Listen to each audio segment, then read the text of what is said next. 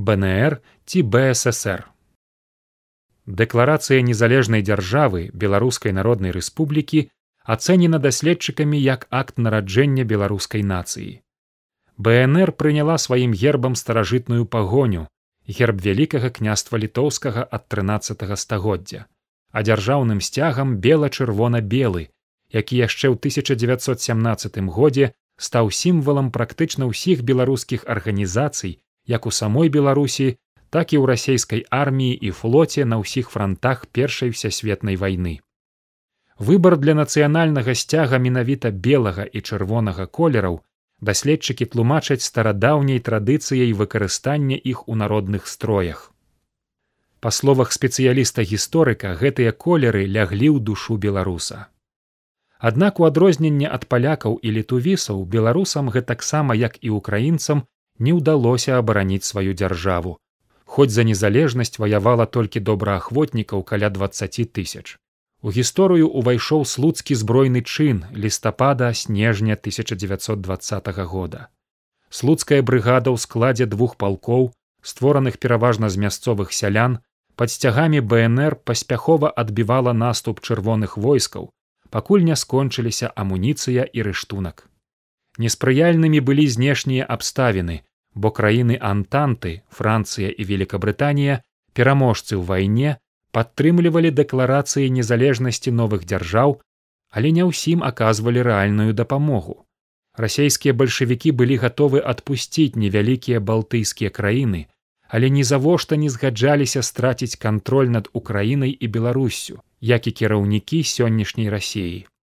Польшча дбала пра свае інтарэсы і планавала паланізаваць занятыя ёй беларускія і украінскія землі. Расійскія бальшавікі не збіраліся дазваляць беларусам нават аўтаномію, не тое што ўласную дзяржаву.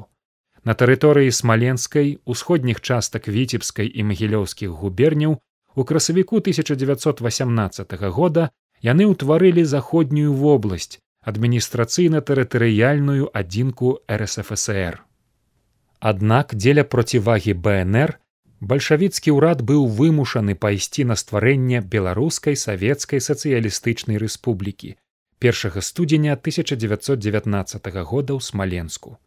Пры гэтым бальшавікі разглядалі бсср як буферную дзяржаву каб пры неабходнасці тэрытарыяльных саступак польшчы не аддаваць непасрэдна землі савецкай рассеі фактычна гэта была псеўдадзяржава не меўшая драбіны незалежнасці бо ўсё вырашалася ў москве у 1919-1920 годах савецкая рассея прайграла вайну з польшчай. Калі на мірных перамовах у рызе бальшавікі і палякі дзялілі між сабой беларускія землі то прадстаўнікоў бсср туды нават не запрасілі. Да польшчы паводле рыскага міру 18 сакавіка 1921 года адышлі тэрыторыі сучасных берасцейскай гарадзенскай часткі менскай віцебскай абласцей і падляскага ваяводства сучаснай польшчы. Мяжа прайшла ў паўсотні кіламетраў на захад ад менска.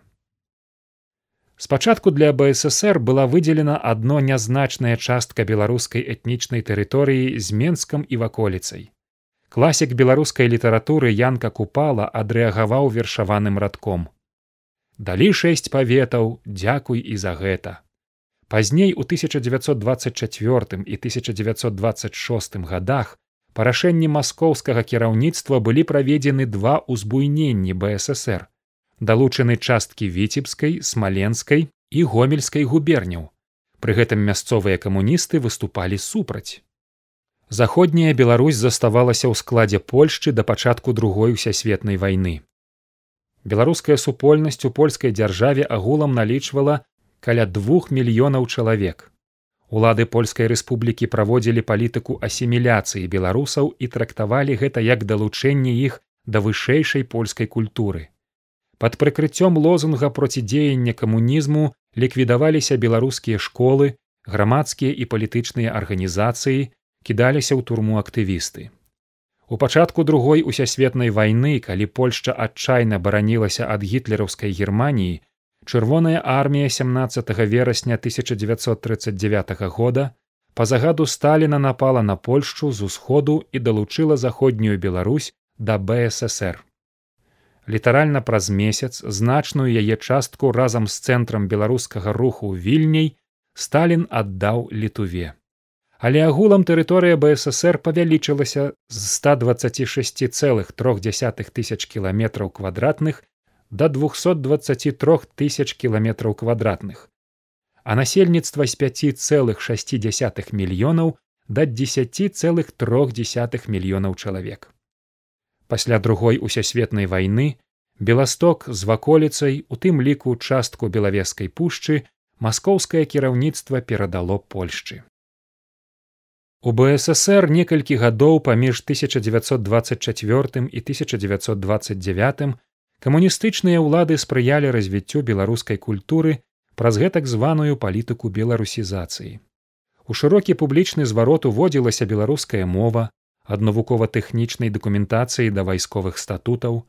У адміністрацыю прызначаліся мясцовыя кадры гэтак званая палітыка карэнізацыі.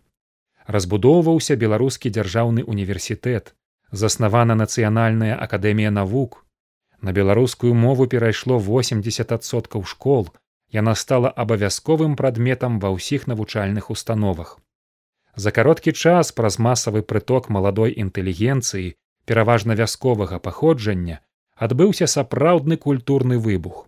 Найбольш заўважны ён быў у літаратуры побач з прызнанымі класікамі янкам купалам і якубам коласам плённа працавалі маладзейшыя літаратурнае жыццё бурліла пісьменнікі і паэты шукалі новыя літаратурныя формы і прыёмы горача дыскутавалі стваралі творчыя аб'яднанні найбольш галоснымі сярод іх былі маладняк і ўзвышша. Вярнуліся з эміграцыі, каб прыняць удзел у нацыянальным будаўніцтве вядомыя беларускія дзеячы вацлаў ластоўскі александр цвікевич палута бадунова язэп мамонька і іншыя якія паверылі ў добрыя намеры бальшавікоў. Неўзабаве яны дорага за тое заплацілі большасць уласным жыццём. Ад 1930 года палітыка бальшавікоў кардынальна змянілася ў бок русіфікацыі.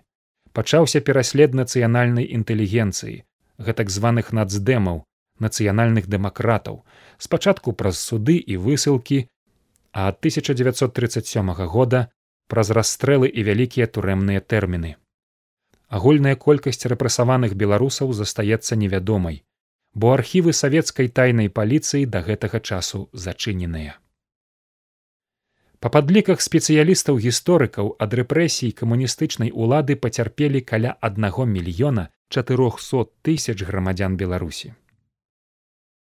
Да смяротнага пакарання праз расстрэл паміж 1917 і 1953 гадамі былі асуджаны 358 686 чалавек.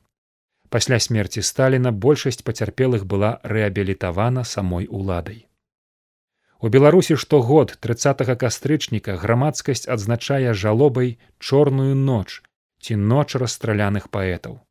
У 1937 годзе ноччу з 29 на 30 кастрычніка у сатарэннях турмы ў цэнтры Менска гэтак званай амерыканкі да сёння турмы КДБ былі расстраляны больш за 100 беларускіх інтэлектуалаў, у тым ліку 22 літаратары. У ходзе прымусовай калектывізацыі была ліквідавана больш заможная частка беларускага сялянства, расстраляна або вывезена на поўнач і ў сібір. Скасаванне прыватнай уласнасці на зямлю падарвала аснову сялянства як самастойнага грамадскага саслоўя і прыспешыла яго дэградацыю. Праз палітыку русіфікацыі краіны рэпрэсіі закранулі беларускую мову. У 1933 годзе была праведзена рэформа беларускага правапісу з мэтай ягонага набліжэння да расейскага. Афіцыйна ўводзіліся некалькі дзясяткаў фанетычных і марфалагічных асаблівасцей расійскай мовы, непрысутных раней у беларускай. Русіфікавалася таксама беларуская лексіка, у тым ліку уласныя імёны і тапонімы. Сталіца Беларусій Менск 29 ліпеня 1939 года адмысловай пастановай была перайменавана ў мінск. У пачатку нямецка-савецкай вайны 1941-45 гадоў выявілася бяздарнасць сталінскага рэжыму і слабасць чырвонай арміі. Нямецкія войскі занялі ўсю тэрыторыю беларусі за месяц. У менск каля 400 кіламетраў ад мяжы немцы ўвайшлі ўжо 28 чэрвеня на шосты дзень ад пачатку вайны. Пад акупацыяй апынулася каля 8 мільёнаў чалавек. Эвакуацыю паспелі правесці толькі часткова ва ўсходніх раёнах краіны. Вывезеныя музейныя каштоўнасці пасля перамогі ў вайне не былі вернуты ў беларусь у выніку ў расійскіх правінцыйных музеях можна ўбачыць больш кніжак з карыны ці слуцкіх паясоў чым у самой беларусі. Загубілася недзе ў рассеі найвялікшая беларуская святыня знакаміты крыж афрасінні полацкай вывезены ў эвакуацыю з магілёва ў ліпені 1941 года. Беларускае сялянства прыняло нямецкую акупацыю насцярожана было вымушанае плаціць падаткі утрымліваць акупацыйную адміністрацыю ад 1942 года пачаўся масавы вываз моладзі на прамысовыя працы ў германію. Акупацыйны рэжым пераўтварыўся ў тэрор супраць мірнага насельніцтва пасля актывізацыі савецкай партызанкі кіраванай з москвы на кожны напад ці дыверсію партызанаў немцы адказвалі спаленнем бліжніх вёсак расстрэлам закладнікаў ці вынішчэннем жыхароў. Партызаны карміліся коштам сялянства і займаліся рэквізіцыяй прадуктаў адзення і жывёлы. Савецкія партызаны трактавалі як здраднікаў усіх хто меў кантакты з акупацыйнай адміністрацыяй і арганізоўваў элементарную жыццядзейнасць. Знішчалі не толькі паліцэйскіх працаўнікоў адміністрацыі але і вясковых старастаў школьных настаўнікаў святароў ад 1942 года немцы пачалі праводзіць маштабныя антыпартызанскія аперацыі ахвярамі якіх найчасцей станавіліся мірныя жыхары беларускіх вёсак.